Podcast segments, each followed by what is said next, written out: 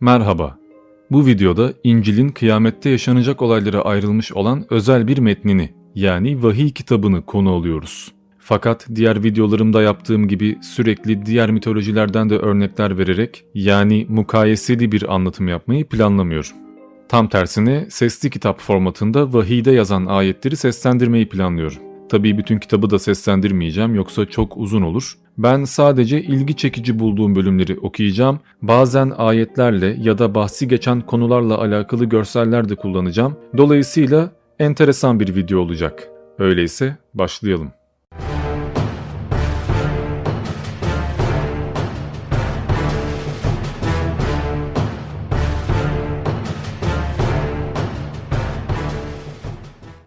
Bu vahiy İsa Mesih'in vahyidir. Tanrı yakın zamanda olması gereken olayları kullarına göstermesi için ona bu vahyi verdi. O da gönderdiği meleği aracılığıyla bunu kulu Yuhanna'ya iletti. Yuhanna Tanrı'nın sözüne ve İsa Mesih'in tanıklığına gördüğü her şeye tanıklık etmektedir. Burada yazılanları dinleyip yerine getirene ne mutlu. Çünkü beklenen zaman yakındır. Var olan, var olmuş olan ve gelecek olan her şeye gücü yeten Rab Tanrı, Alfa ve Omega benim diyor. İsa'ya ait biri olarak sıkıntıda, tanrısal egemenlikte ve sabırda ortağınız ve kardeşiniz olan ben, Yuhanna, Tanrı'nın sözü ve İsa'ya tanıklık uğruna Patmos denilen adada bulunuyordum. Rabbin gününde ruhun etkisinde kalarak arkamda borazan sesine benzer yüksek bir ses işittim. Ses, gördüklerini kitaba yaz ve yedi kiliseye yani Efes, İzmir, Bergama, Tiyatira, Sart, Philadelphia ve Laodikya'ya gönder dedi. Bunu söyleyeni görmek için arkama döndüm. Döndüğümde yedi altın kandillik ve bunların ortasında giysileri ayağına kadar uzanan, göğsüne altın kuşak sarılmış, insanoğluna benzer birini gördüm. Başı saçı ak yapağı gibi beyaz, kar gibi bembeyazdı. Gözleri alev alev yanan ateşti sanki. Ayakları ocakta kor haline gelmiş parlak tunca benziyordu. Sesi gürül gürül akan suların sesi gibiydi. Sağ elinde yedi yıldız vardı. Ağzından iki ağızlı keskin bir kılıç uzanıyordu. Yüzü bütün gücüyle parlayan güneş gibiydi. Onu görünce ölü gibi ayaklarının dibine yığıldım. Oysa elini üzerime koyup şöyle dedi. Korkma, ilk ve son benim. Diri olan benim. Ölmüştüm ama işte sonsuzluklar boyunca diriyim. Ölümün ve ölüler diyarının anahtarları bendedir. Bunun için gördüklerini, şimdi olanları ve bundan sonra olacakları yaz. Sağ elimde gördüğün yedi yıldızla yedi altın kandilliğin sırrına gelince, yedi yıldız, yedi tapınağın melekleri, yedi kandillikse yedi tapınaktır. Kulağı olan ruhun tapınaklara ne dediğini işitsin. Efes'teki tapınağın meleğine yaz.'' Yedi yıldızı sağ elinde tutan, yedi altın kandilliğin ortasında yürüyen şöyle diyor. Yaptıklarını, çalışkanlığını, sabrını biliyorum. Kötü kişilere katlanamadığını da biliyorum. Elçi olmadıkları halde kendilerini elçi diye tanıtanları sınadın ve onları yalancı buldun. Evet, sabırlısın. Adım uğruna acılara dayandın ve yılmadın. Ne var ki bir konuda sana karşıyım.'' Başlangıçtaki sevginden uzaklaştın. Bunun için nereden düştüğünü anımsa. Tövbe et ve başlangıçta yaptıklarını sürdür. Tövbe etmezsen gelip kandilliğini yerinden kaldırırım. Kulağı olan ruhun tapınaklara ne dediğini işitsin. İzmir'deki tapınağın meleğine yaz. Ölmüş ve yaşama dönmüş, ilk ve son olan şöyle diyor. Sıkıntılarını, yoksulluğunu biliyorum. Oysa zenginsin.'' Yahudi olduklarını söyleyen ama Yahudi değil de şeytanın havrası durumunda olanların iftiralarını biliyorum. Çekmek üzere olduğun sıkıntılardan korkma. Bak, test edilesiniz diye iblis içinizden bazılarını yakında zindana atacak. Ölüm pahasına da olsa sadık kal. Sana yaşam tacını vereceğim. Galip gelen ikinci ölümden hiçbir zarar görmeyecek. Kulağı olan ruhun tapınaklara ne dediğini işitsin.'' Bergama'daki tapınağın meleğine yaz. İki ağızlı keskin kılıca sahip olan şöyle diyor.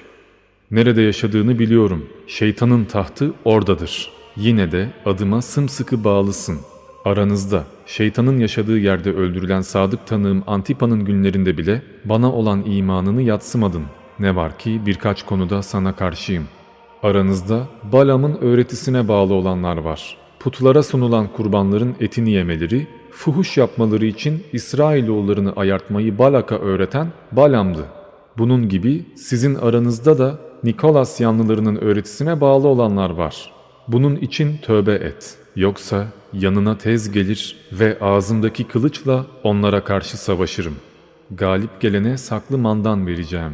Ayrıca ona beyaz bir taş ve bu taşın üzerinde yazılı olan yeni bir isim, alandan başka kimsenin bilmediği bir isim vereceğim.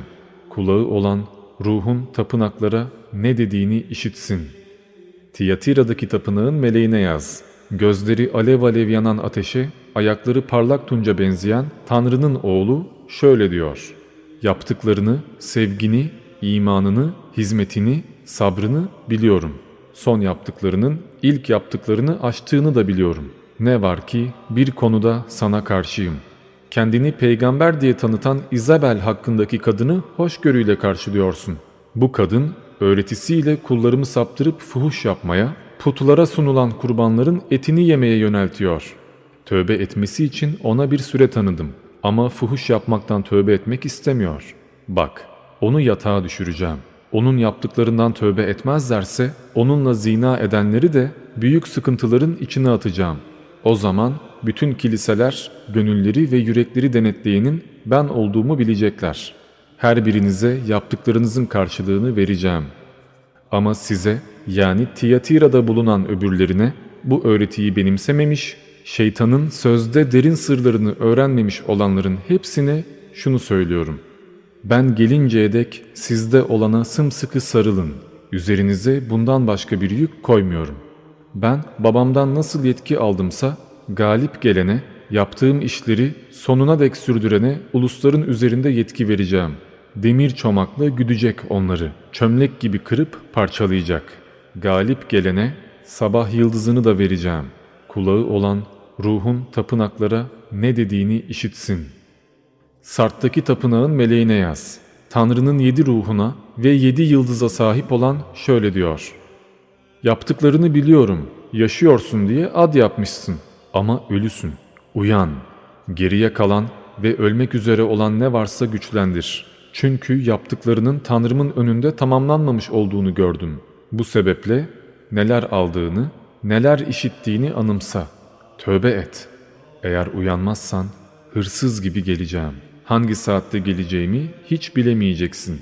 Ama Sart'ta, aranızda lekelenmemiş birkaç kişi var ki beyazlar içinde benimle yürüyecekler. Çünkü buna layıklar. Galip gelen böylece beyaz giysiler giyecek. Onun adını yaşam kitabından hiç silmeyeceğim. Babamın ve meleklerinin önünde o kişinin adını açıkça anacağım. Kulağı olan ruhun tapınaklara ne dediğini işitsin. Philadelphia'daki tapınağın meleğine yaz. Kutsal ve gerçek olan, Davut'un anahtarına sahip olan, açtığını kimsenin kapayamadığı, kapadığını kimsenin açamadığı kişi şöyle diyor. Yaptıklarını biliyorum. İşte önüne kimsenin kapayamayacağı açık bir kapı koydum. Gücünün az olduğunu biliyorum. Yine de sözüme uydun, adımı yatsımadın. Şeytanın havrasından olanları, Yahudi olmadıkları halde Yahudi olduklarını ileri süren yalancıları öyle edeceğim ki gelip ayaklarına kapanacak, benim seni sevdiğimi anlayacaklar. Sözüme uyarak sabırla dayandın. Ben de yeryüzünde yaşayanları denemek için bütün dünyanın üzerine gelecek olan denenme saatinden seni esirgeyeceğim. Hemen geliyorum. Tacını kimse elinden almasın diye sahip olduğuna sımsıkı sarıl. Galip geleni Tanrımın tapınağında sütun yapacağım. Böyle biri artık oradan hiç ayrılmayacak. Onun üzerine Tanrımın adını, Tanrıma ait kentin adını ve benim yeni adımı yazacağım. Kulağı olan ruhun tapınaklara ne dediğini işitsin. Laodikya'daki tapınağın meleğine yaz. Amin, sadık ve gerçek tanık, Tanrı yaratılışının kaynağı şöyle diyor. Yaptıklarını biliyorum. Ne soğuksun ne sıcak. Keşke ya soğuk ya sıcak olsaydın. Bu yüzden seni ağzımdan kusacağım. Hiçbir şeye gereksinmem yok diyorsun. Ama zavallı, acınacak durumda, yoksul, kör ve çıplak olduğunu bilmiyorsun. Ben sevdiklerimi azarlar, terbiye ederim. Bu sebeple gayrete gel, tövbe et. İşte kapıda durmuş, kapıyı çalıyorum. Biri sesimi işitir ve kapıyı açarsa onun yanına gireceğim. Ben onunla, o da benimle. Birlikte yemek yiyeceğiz. Ben nasıl ki galip gelerek babamla birlikte babamın tahtına oturdumsa size de benimle birlikte tahtıma oturma hakkını vereceğim. Kulağı olan ruhun tapınaklara ne dediğini işitsin. Bundan sonra gökte açık duran bir kapı gördüm. O anda ruhun etkisinde kalarak gökte bir taht ve tahtta oturan birini gördüm. Tahtta oturanın yeşim ve kırmızı akik taşına benzer bir görünüşü vardı. Zümrüdü andıran bir gökkuşağı tahtı çevreliyordu. Tahtın çevresinde 24 ayrı taht vardı. Bu tahtlara başlarında altın taçlar olan beyaz giysilere bürünmüş 24 ihtiyar oturmuştu. Tahttan şimşekler çakıyor, uğultular ve gök gürlemeleri işitiliyordu. Tahtın önünde alev alev yanan yedi meşale vardı. Bunlar Tanrı'nın yedi ruhudur. Tahtın önünde billur gibi sanki camdan bir deniz vardı. Tahtın ortasında ve çevresinde önü ve arkası gözlerle kaplı dört yaratık duruyordu. Birinci yaratık aslana, ikincisi danaya benziyordu. Üçüncü yaratığın yüzü insan yüzü gibiydi. Dördüncü yaratıksa uçan bir kartalı andırıyordu. Dört yaratığın her birinin altışar kanadı vardı. Yaratıkların her yanı, kanatlarının alt tarafı bile gözlerle kaplıydı. Yaratıklar tahtta oturanı, sonsuzluklar boyunca yaşayanı yüceltip ona saygı ve şükran sundukça 24 ihtiyar önünde yere kapanarak ona tapınıyorlar. Tahtta oturanın sağ elinde iki yanı da yazılı yedi mühürle mühürlenmiş bir tomar gördüm. Bir melek yüksek sesle tomarı açmaya, mühürlerini çözmeye kim layıktır diye sesleniyordu. Ama ne gökte, ne yeryüzünde, ne de yer altında tomarı açıp içine bakabilecek kimse yoktu. Acı acı ağlamaya başladım. Çünkü tomarı açıp içine bakmaya layık hiç kimse bulunamadı. Bunun üzerine ihtiyarlardan biri bana ağlama dedi. İşte Yahuda oymağından gelen aslan, Davut'un kökü galip geldi. Tomarı ve yedi mührünü o açacak. Tahtın, dört yaratığın ve ihtiyarların ortasında boğazlanmış gibi duran bir kuzu gördüm. Yedi boynuzu, yedi gözü vardı. Bunlar Tanrı'nın bütün dünyaya gönderilmiş yedi ruhudur. Kuzu gelip tahtta oturanın sağ elinden tomarı aldı. Tomarı alınca dört yaratıkla 24 ihtiyar onun önünde yere kapandılar. Her birinin elinde birer lir ve kutsalların duaları olan buhur dolu altın taslar vardı. Sonra tahtın, yaratıkların ve ihtiyarların çevresinde çok sayıda melek gördüm. Sayıları binlerce binler, on binlerce on binlerdi. Sonra kuzunun yedi mühürden birini açtığını gördüm. O anda dört yaratıktan birinin gök gürültüsüne benzer bir sesle gel dediğini işittim. Bakınca beyaz bir at gördüm. Binicisinin yayı vardı. Kendisine bir taç verildi ve galip gelen biri olarak zafer kazanmaya çıktı. Kuzu ikinci mührü açınca ikinci yaratığın gel dediğini işittim. O zaman kızıl renkte başka bir at çıktı ortaya. Binicisine dünyadan barışı kaldırma yetkisi verildi. Bunun sonucu olarak insanlar birbirlerini boğazlayacaklar. Atlıya ayrıca büyük bir kılıç verildi. Kuzu üçüncü mührü açınca üçüncü yaratığın gel dediğini işittim. Bakınca siyah bir at gördüm. Binicisinin elinde bir terazi vardı. Dört yaratığın ortasında sanki bir sesin şöyle dediğini işittim. Bir ölçek buğday bir dinara, üç ölçek arpa bir dinara ama zeytinyağına ve şaraba zarar verme. Kuzu dördüncü mührü açınca gel diyen dördüncü yaratığın sesini işittim.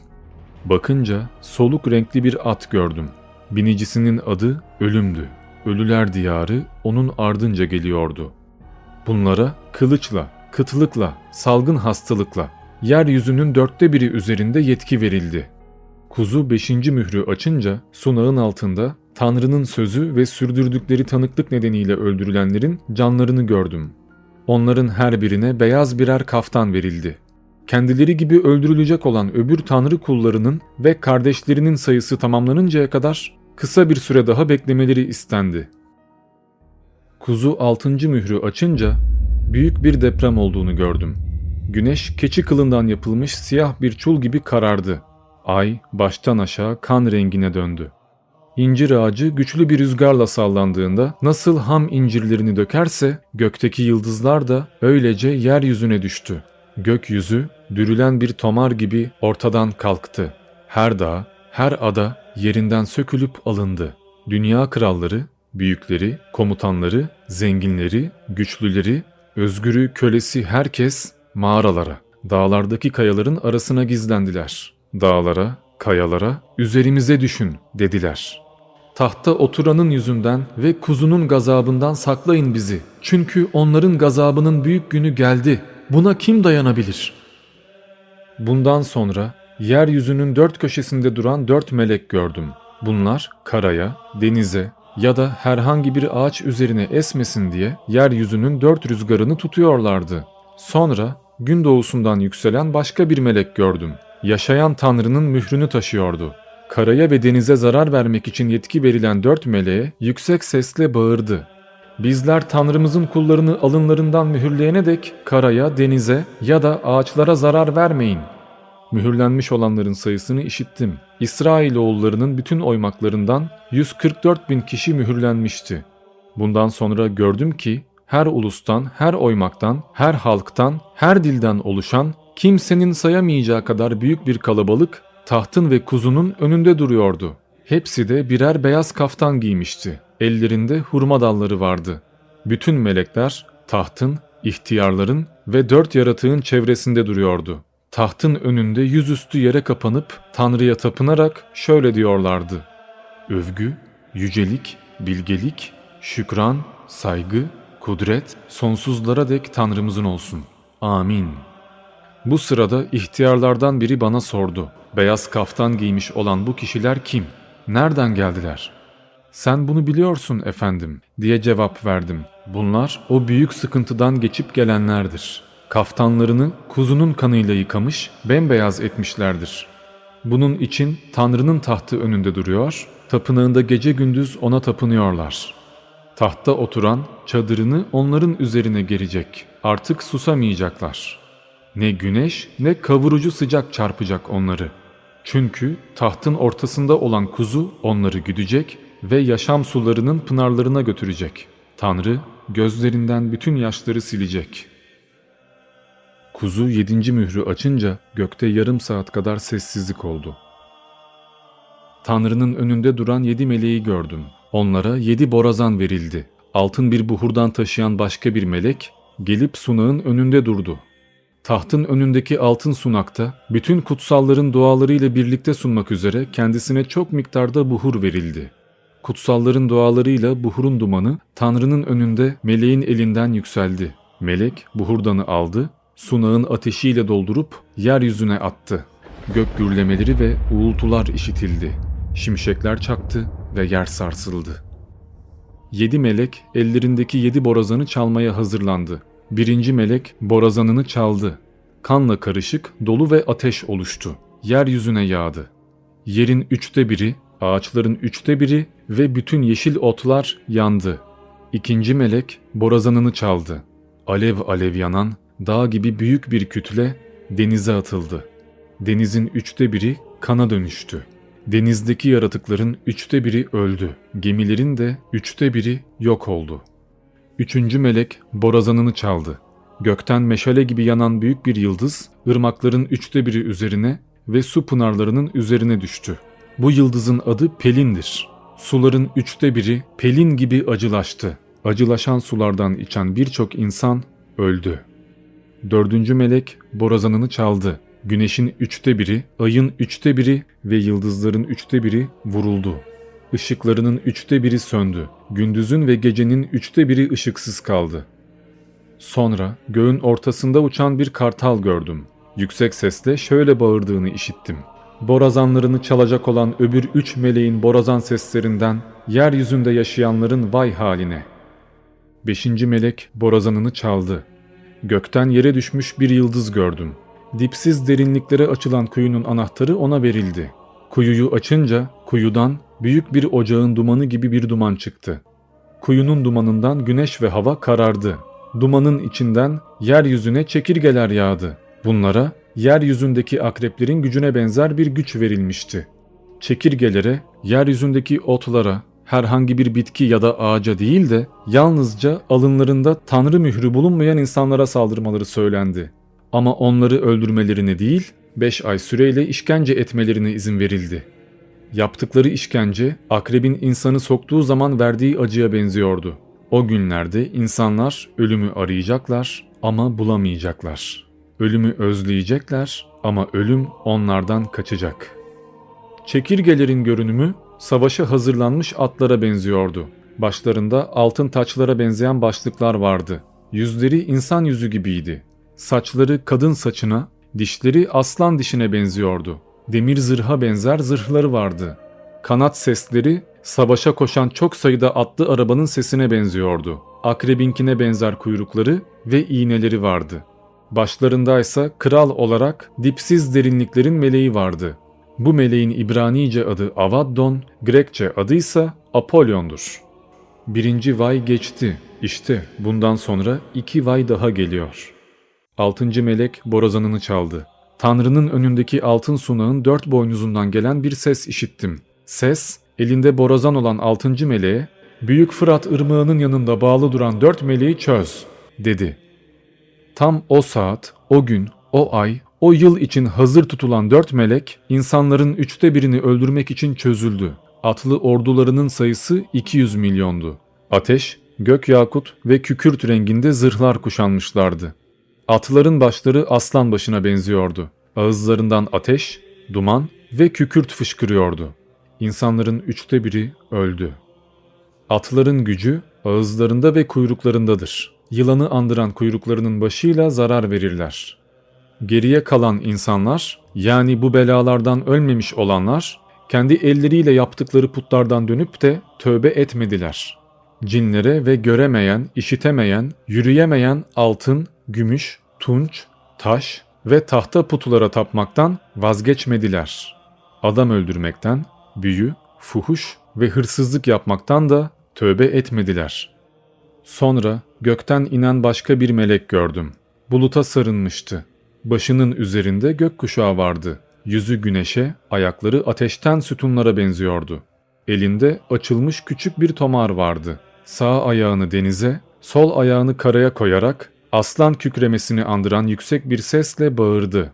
O bağırınca yedi gök gürlemesi dile gelip seslendiler. Yedi gök gürlemesi seslendiğinde yazmak üzereydim ki gökten bunları yazma, mühürle diyen bir ses işittim. Denizle karanın üzerinde durduğunu gördüğüm melek sağ elini göğe kaldırdı. Göğü ve göktekileri, yeri ve yerdekileri, denizi ve denizdekileri yaratanın, sonsuzluklar boyunca yaşayanın hakkı için ant içip şöyle bağırdı.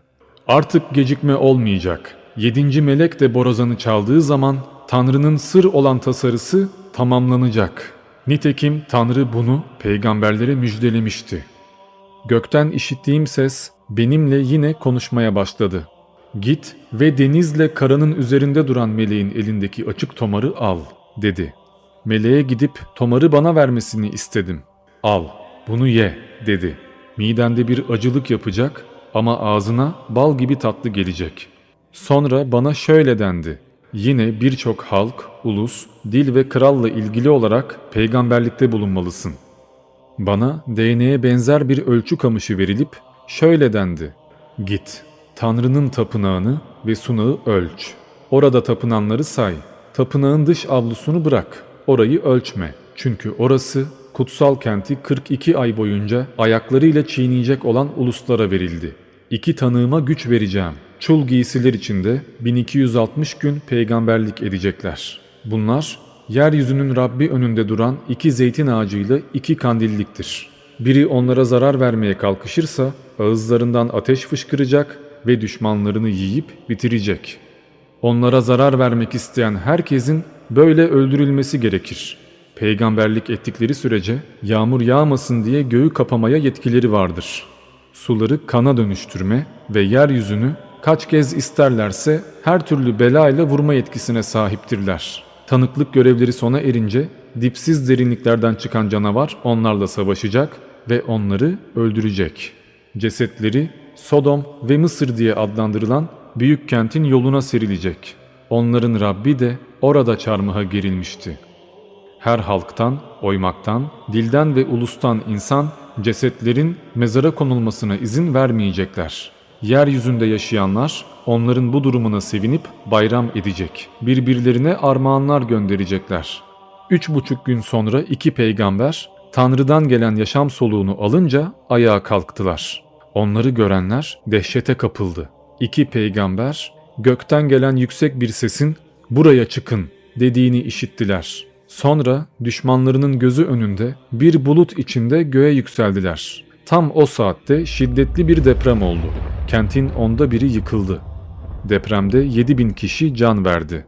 Geriye kalanlar dehşete kapılıp gökteki Tanrı'yı yücelttiler. İkinci vay geçti. İşte üçüncü vay tez geliyor. Yedinci melek borazanı çaldı. Gökte yüksek sesler duyuldu. Dünyanın egemenliği Rabbimizin ve Mesih'inin oldu. O sonsuzlara dek egemenlik sürecek. Tanrı'nın önünde tahtlarında oturan 24 ihtiyar yüzüstü yere kapandılar. Tanrı'ya tapınarak şöyle dediler. Var olan, var olmuş olan Rab Tanrı, sana şükrediyoruz. Uluslar gazaba gelmişlerdi. Şimdi ise senin gazabın üzerlerine geldi. Ölüleri yargılamak, kulların olan peygamberleri, kutsalları, küçük olsun, büyük olsun, adından korkanları ödüllendirmek ve yeryüzünü mahvedenleri mahvetmek zamanı geldi. Ardından Tanrı'nın gökteki tapınağı açıldı. Tapınakta onun antlaşma sandığı göründü. O anda şimşekler çaktı. Uğultular ve gök gürlemeleri işitildi.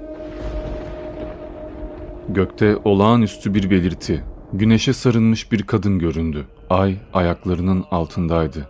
Başında 12 yıldızdan oluşan bir taç vardı. Kadın gebeydi. Doğum sancıları içinde kıvranıyor, feryat ediyordu. Ardından gökte başka bir belirti göründü. Yedi başlı, on boynuzlu, kızıl renkli büyük bir ejderhaydı bu. Yedi başında yedi taç vardı. Kuyruğuyla gökteki yıldızların üçte birini sürükleyip yeryüzüne attı. Sonra doğum yapmak üzere olan kadının önünde durdu. Kadın doğurur doğurmaz ejderha çocuğu yutacaktı. Kadın bir oğul, bütün ulusları demir çomakla güdecek bir erkek çocuk doğurdu. Çocuk Tanrı'nın tahtına götürüldü. Kadınsa çöle kaçtı. Orada 1260 gün beslenmesi için Tanrı tarafından hazırlanmış bir yeri vardı. Gökte savaş oldu. Mikail ile melekleri ejderha ile savaştılar. Ejderha kendi melekleriyle birlikte karşı koydu ama gücü yetmedi. Büyük ejderha, iblis ya da şeytan denen bütün dünyayı saptıran o eski yılan melekleriyle birlikte yeryüzüne atıldı. Ejderha, erkek çocuğu doğuran kadını kovalamaya başladı. Yılanın önünden çöle, kadına üç buçuk yıl boyunca besleneceği yere uçup kaçabilmesi için büyük kartal kanatları verildi. Yılan ağzından kadını selle süpürüp götürmek için onun ardından ırmak gibi su akıttı. Ama yeryüzü ağzını açıp ejderhanın ağzından akıttığı ırmağı yutarak kadına yardım etti. Bunun üzerine ejderha kadına öfkelendi. Kadının soyundan geriye kalanlarla Tanrı'nın buyruklarını yerine getirip İsa'ya tanıklıklarını sürdürenlerle savaşmaya gitti. Sonra on boynuzlu, yedi başlı bir canavarın denizden çıktığını gördüm. Boynuzlarının üzerinde on tane taç vardı. Başlarının üzerinde küfür niteliğinde adlar yazılıydı.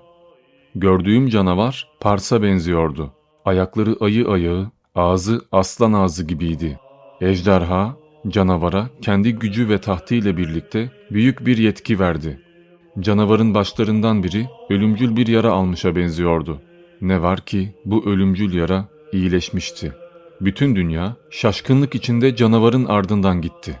İnsanlar canavara yetki veren ejderhaya taptılar. Canavar gibisi var mı? Onunla kim savaşabilir? Diyerek canavara da taptılar. Canavara kurumlu sözler söyleyen, küfürler savuran bir ağız ve 42 ay süreyle kullanabileceği bir yetki verildi. Kutsallarla savaşıp onları yenmesine izin verildi. Canavar her oymak, her halk, her dil, her ulus üzerinde yetkili kılındı. Yeryüzünde yaşayan ve dünya kurulduğundan beri yaşam kitabına adı yazılmamış olan herkes ona tapacak. kulağı olan işitsin. Tutsak düşecek olan tutsak düşecek. Kılıçla öldürülecek olan kılıçla öldürülecek. Bu kutsalların sabrını ve imanını gerektirir.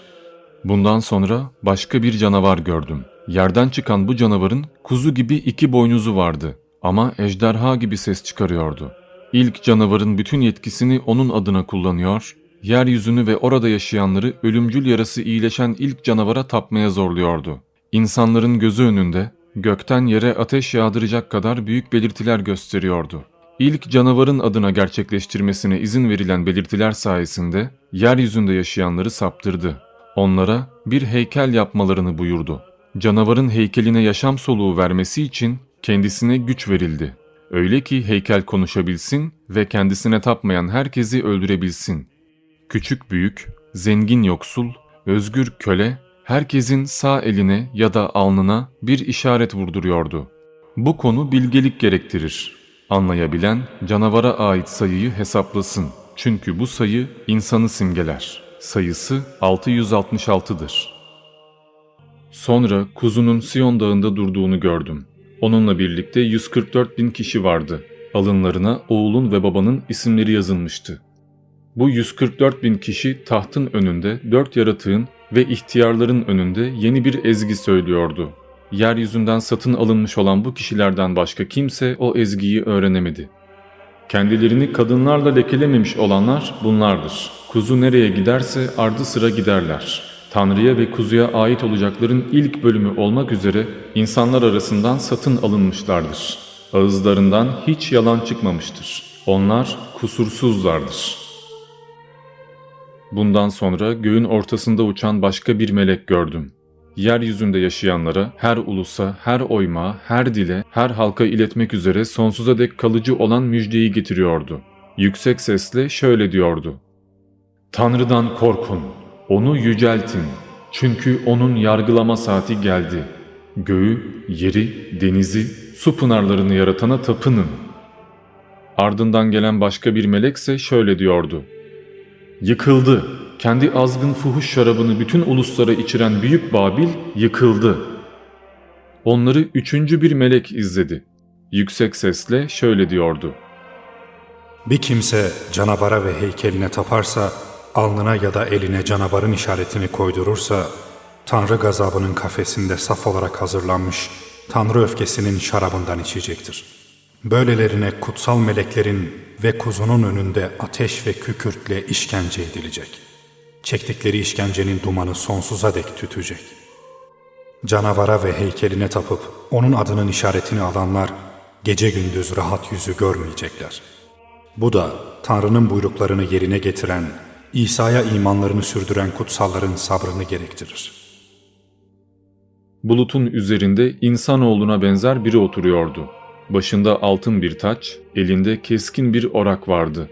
Tapınaktan çıkan başka bir melek, bulutun üzerinde oturana yüksek sesle bağırdı. Orağını uzat ve biç. Biçme saati geldi çünkü yerin ekini olgunlaşmış bulunuyor.'' Bulutun üzerinde oturan orağını yerin üzerine salladı. Yerin ekini biçildi. Gökteki tapınaktan başka bir melek çıktı. Onun da keskin bir orağı vardı. Ateş üzerinde yetkili olan başka bir melek de sunaktan çıkıp geldi. Keskin orağı olana yüksek sesle ''Keskin orağını uzat, yerin asmasının salkımlarını topla, çünkü üzümleri olgunlaştı.'' dedi. Bunun üzerine melek orağını yerin üzerine salladı yerin asmasının ürününü toplayıp Tanrı öfkesinin büyük masarasına attı. Kentin dışında çiğnenen masaradan kan aktı. Kan 1600 ok atımı kadar yayılıp atların gemlerine dek yükseldi. Gökte büyük ve şaşılası başka bir belirti gördüm. Son yedi belayı taşıyan yedi melekti. Çünkü Tanrı'nın öfkesi bu belalarla son buluyordu. Ateşle karışık camdan deniz gibi bir şey gördüm. Canavara heykeline ve adını simgeleyen sayıya karşı zafer kazananlar, ellerinde Tanrı'nın verdiği lirlerle cam denizin üzerinde durmuşlardı. Tanrı kulu Musa'nın ve kuzunun ezgisini söylüyorlardı. Bundan sonra gökteki tapınağın yani tanıklık çadırının açıldığını gördüm. Yedi belayı taşıyan yedi melek temiz, parlak keten giysiler giymiş, göğüslerine altın kuşaklar sarılmış vaziyette tapınaktan çıktılar. Dört yaratıktan biri, yedi meleğe sonsuzluklar boyunca yaşayan Tanrı'nın öfkesiyle dolu yedi altın tas verdi. Tapınak, Tanrı'nın yüceliğinden ve gücünden ötürü dumanla doldu. Yedi meleğin yedi belası sona erinceye kadar kimse tapınağa giremedi. Sonra tapınaktan yükselen gür bir sesin yedi meleğe şöyle dediğini işittim. Gidin, Tanrı'nın öfkesiyle dolu yedi tası yeryüzüne boşaltın. Birinci melek tasını yeryüzüne boşalttı. Canavarın işaretini taşıyıp heykeline tapınanların üzerinde acı veren iğrenç yaralar oluştu. İkinci melek tasını denize boşalttı. Deniz ölü kanına benzer kana dönüştü. İçindeki bütün canlılar öldü. Üçüncü melek tasını ırmaklara, su pınarlarına boşalttı. Bunlar da kana dönüştü. Sulardan sorumlu meleğin şöyle dediğini işittim. Var olan, var olmuş olan kutsal Tanrı, bu yargılarında adilsin. Kutsalların ve peygamberlerin kanını döktükleri için içecek olarak sen de onlara kan verdin. Bunu hak ettiler. Yargıların doğru ve adildir. Dördüncü melek tasını güneşe boşalttı. Bununla güneşe insanları yakma gücü verildi. İnsanlar korkunç bir ısıyla kavruldular. Üstelik tövbe edip bu belalara egemen olan Tanrı'yı yücelteceklerine ona küfrettiler. Beşinci melek tasını canavarın tahtına boşalttı. Canavarın egemenliği karanlığa gömüldü. İnsanlar ıstıraptan dillerini ısırdılar. Istırap ve yaralarından ötürü göğün tanrısına küfrettiler. Yaptıkları şeylerden tövbe etmediler. Altıncı melek tasını büyük Fırat ırmağına boşalttı. Gün doğusundan gelen kralların yolu açılsın diye ırmağın suları kurudu. Bundan sonra ejderhanın ağzından, canavarın ağzından ve sahte peygamberin ağzından kurbağaya benzer üç kötü ruhun çıktığını gördüm. Bunlar doğaüstü belirtiler gerçekleştiren cinlerin ruhlarıdır. Her şeye gücü yeten Rab Tanrı'nın büyük gününde olacak savaş için bütün dünyanın krallarını toplamaya gidiyorlar. Üç kötü ruh kralları İbranice Armagedon denilen yere topladılar. Yedinci melek tasını havaya boşalttı. Tapınaktaki tahttan yükselen gür bir ses ''Tamam'' dedi. O anda şimşekler çaktı. Uğultular ve gök gürlemeleri işitildi. Öyle büyük bir deprem oldu ki yeryüzünde insan oldu olalı bu kadar büyük bir deprem olmamıştı. Tanrı Büyük Babil'i anımsadı. Ona ateşli gazabının şarabını içeren kaseyi verdi. Bütün adalar ortadan kalktı. Bütün dağlar yok oldu. İnsanların üzerine gökten tanesi yaklaşık 40 kilo ağırlığında iri dolu yağdı. Dolu belası öyle korkunçtu ki insanlar bu yüzden Tanrı'ya küfrettiler. Yedi tası alan yedi melekten biri geldi ve benimle konuştu. Gel, sana engin suların kenarında oturan büyük fahişenin çarpıtılacağı cezayı göstereyim. Dünya kralları onunla fuhuş yaptılar. Yeryüzünde yaşayanlar onun fuhuşunun şarabıyla sarhoş oldular. Bundan sonra melek beni ruhun yönetiminde çöle götürdü. Orada yedi başlı, on boynuzlu, üzeri küfür niteliğinde adlarla kaplı kırmızı bir canavarın üzerinde oturmuş bir kadın gördüm. Kadın mor ve kırmızı giysileri bürünmüş, altınlar, değerli taşlar ve incilerle süslenmişti. Elinde iğrenç şeylerle, fuhuşunun çirkeflikleriyle dolu altın bir kase vardı. Alnına şu gizemli ad yazılmıştı. Büyük Babil, dünya fahişelerinin ve iğrençliklerinin anası. Kadının, kutsalların ve İsa'ya tanıklık etmiş olanların kanıyla sarhoş olduğunu gördüm. Onu görünce büyük bir şaşkınlığa düştüm. Neden şaştın? Kadının ve onu taşıyan yedi başlı, on boynuzlu canavarın sırrını ben sana açıklayayım. Gördüğün canavar bir zamanlar vardı ama şimdi yok. Biraz sonra dipsiz derinliklerden çıkacak ve yıkıma gidecek. Yeryüzünde yaşayan ve dünya kurulduğundan beri adları yaşam kitabına yazılmamış olanlar canavarı görünce şaşıracaklar. Çünkü o bir zamanlar vardı. Şimdi yok ama yine gelecek.'' Bunu anlamak için bilgelik gerek. Yedi baş, kadının üzerine oturduğu yedi tepedir. Aynı zamanda yedi kraldır. Bunların beşi düştü, biri duruyor, öteki ise henüz gelmedi. Gelince kısa süre kalması gerek. Yaşamış ama şimdi yok olan canavarların kendisi sekizinci kraldır. O da yedilerden biridir ve yıkıma gitmektedir. Gördüğün on boynuz henüz egemenlik sürmemiş on kraldır. Canavarla birlikte bir saat egemenlik sürmek üzere yetki alacaklar.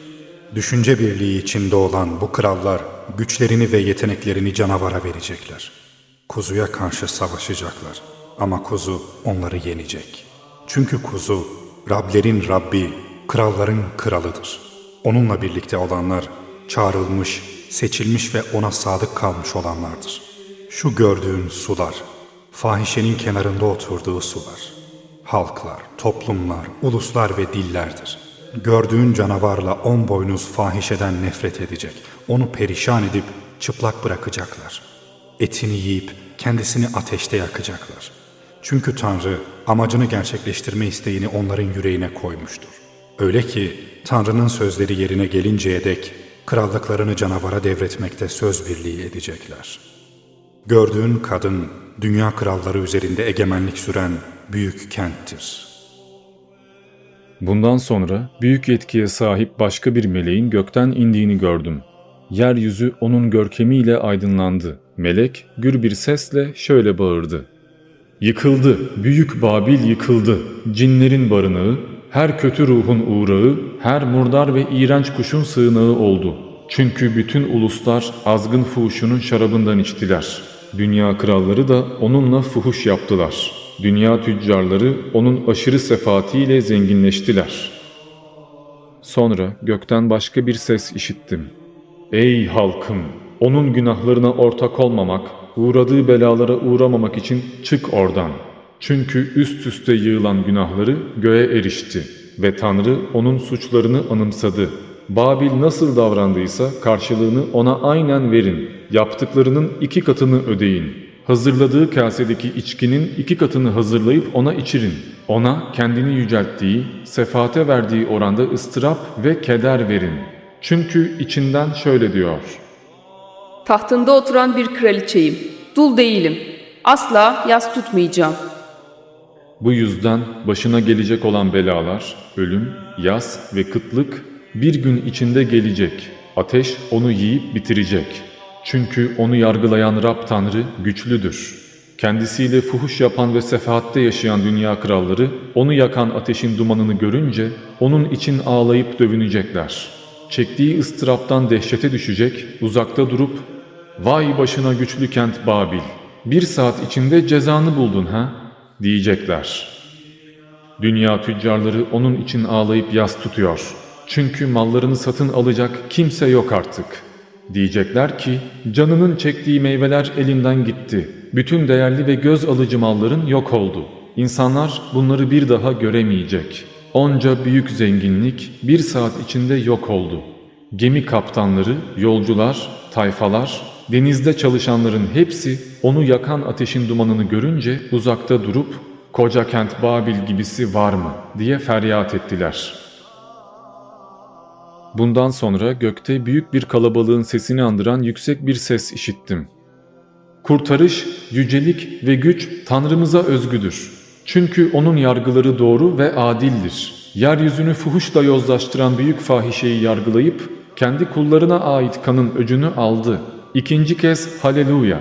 Onun dumanı sonsuzlara dek tütecek. 24 ihtiyarla dört yaratık yere kapanıp tahtta oturan Tanrı'ya tapındılar. Sonra tahttan yüksek bir ses yükseldi. Yaz, kuzunun düğününe çağrılmış olanlara ne mutlu. Bunlar gerçek sözlerdir. Tanrı'nın sözleridir. Ona tapınmak üzere ayaklarına kapandım. Ama o, sakın yapma, ben de senin ve İsa'ya tanıklığını sürdüren kardeşlerin gibi bir Tanrı kuluyum. Tanrı'ya tap. Çünkü İsa'ya tanıklık, peygamberlik ruhunun özüdür, dedi. Bundan sonra göğün açılmış olduğunu, beyaz bir atın orada durduğunu gördüm. Binicisinin adı sadık ve gerçektir. Adaletle yargılar ve savaşır. Gözleri alev alev yanan ateş gibidir. Başında çok sayıda taç vardır. Üzerinde kendisinden başka kimsenin bilmediği bir ad vardır. Kana batırılmış bir kaftan giymiştir. Tanrı'nın sözü adıyla anılır. Beyaz, temiz, ince ketene bürünmüş olan gökteki ordular, beyaz atlara binmiş onu izliyorlardı. Ağzından ulusları vuracak keskin bir kılıç uzanıyordu. Onları demir çomakla güdüyordu. Her şeye gücü yeten Tanrı'nın ateşli gazabının şarabını üreten Masara'yı kendisi çiğniyordu. Kaftanının ve kalçasının üzerinde şu ad yazılıydı. Kralların kralı ve Rablerin Rabbi. Bundan sonra güneşte duran bir melek gördüm. Gökte uçan bütün kuşları yüksek sesle çağırdı. Kralların, komutanların, güçlü adamların, atlarla binicilerinin, özgür, köle, küçük, büyük, hepsinin etini yemek için toplanın. Tanrı'nın büyük şölenine gelin. Sonra canavarı, dünya krallarını ve onların ordularını ata binmiş olanla onun ordusuna karşı savaşmak üzere toplanmış gördüm. Canavarla onun önünde doğaüstü belirtiler gerçekleştiren sahte peygamber yakalandı. Sahte peygamber canavarın işaretini alıp heykele tapınanları bu belirtilerle saptırmıştı. Her ikisi de kükürt ile yanan ateş gölüne diri diri atıldılar. Geriye kalanlar ata binmiş olanın ağzından çıkan kılıçla öldürüldüler. Bütün kuşlar bunların etine doydu. Sonra bir meleğin gökten indiğini gördüm. Elinde dipsiz derinliklerin anahtarı ve büyük bir zincir vardı. Melek ejderhayı, iblis ya da şeytan denen o eski yılanı bin yıl için bağladı. Bin yıl tamamlanıncaya dek ulusları bir daha saptırmasın diye onu dipsiz derinliklere attı. Oraya kapayıp girişi mühürledi. Bin yıl geçtikten sonra kısa bir süre için serbest bırakılması gerekiyor. Bazı tahtlar ve bunlara oturanları gördüm. Onlara yargılama yetkisi verilmişti. İsa'ya tanıklık ve Tanrı'nın sözü uğruna başı kesilenlerin canlarını da gördüm. Bunlar canavara ve heykeline tapmamış, alınlarına ve ellerine onun işaretini almamış olanlardı. Hepsi dirildi ve Mesih'le birlikte bin yıl egemenlik sürdüler. İlk diriliş budur. Ölülerin geri kalanı bin yıl tamamlanmadan dirilmedi. İlk dirilişe dahil olanlar mutlu ve kutsaldır. İkinci ölümün bunların üzerinde yetkisi yoktur. Onlar Tanrı'nın ve Mesih'in kahinleri olacak, onunla birlikte bin yıl egemenlik sürecekler. Bin yıl tamamlanınca şeytan atıldığı zindandan serbest kalacak. Yeryüzünün dört bucağındaki ulusları Gog'la Magog'u saptırmak, savaş için bir araya toplanmak üzere zindandan çıkacak. Toplayacaklarının sayısı deniz kumu kadar çoktur. Yeryüzünün dört bir yanından gelerek kutsalların ordugahını ve sevilen kenti kuşattılar. Ama gökten ateş yağdı onları yakıp yok etti. Onları saptıran iblis ise canavarla sahte peygamberin de içinde bulunduğu ateş ve kükürt gölüne atıldı. Onlar gece gündüz sonsuza dek işkence çekecekler. Sonra büyük beyaz bir taht ve tahtta oturanı gördüm. Yerle gök önünden kaçtılar. Yok olup gittiler. Tahtın önünde duran ölüleri gördüm. Sonra kitaplar açıldı ve yaşam kitabı denen başka bir kitap daha açıldı. Ölüler kitaplarda yazılanlara bakılarak yaptıkları şeylere göre yargılandılar. Deniz kendisinde olan ölüleri, ölüm ve ölüler diyarı da kendilerinde olan ölüleri teslim ettiler. Her biri yaptıklarına göre yargılandılar. Ölüm ve ölüler diyarı ateş gölüne atıldı. İşte bu ateş gölü ikinci ölümdür. Bundan sonra yeni bir gökle yeni bir yeryüzü gördüm. Çünkü önceki gökle yeryüzü ortadan kalkmıştı kutsal kentin yani Yeruşalim'in gökten Tanrı'nın yanından indiğini gördüm. Güveyi için hazırlanmış süslü bir gelin gibiydi. Tahttan yükselen gür bir sesin şöyle dediğini işittim. İşte Tanrı'nın konutu insanların arasındadır. Tanrı onların arasında yaşayacak. Onlar onun halkı olacaklar. Artık ölüm olmayacak. Artık ne yaz, ne ağlayış, ne de ıstırap olacak. Çünkü önceki düzen ortadan kalktı. Alfa ve Omega, başlangıç ve son benim. Susayana yaşam suyunun pınarından karşılıksız su vereceğim. Galip gelen bunları miras alacak. Ama korkak, imansız, iğrenç, adam öldüren, fuhuş yapan, büyücü, putperest ve bütün yalancılara gelince onların yeri kükürtle yanan ateş gölüdür. Evet, Hristiyanlığın kıyamet inancını direkt kutsal kitabından seslendirdik Ayetleri online okumak isteyenler için hem açıklamaya hem de yoruma gereken linkleri bıraktım. Bu videoda seslendirme konusunda bana yardımcı olan Shock Voice'a ve Seher Kurt'a da ayrıca teşekkürler. Şimdilik bu kadar. Ben Diamond, diğer videolarda görüşmek üzere.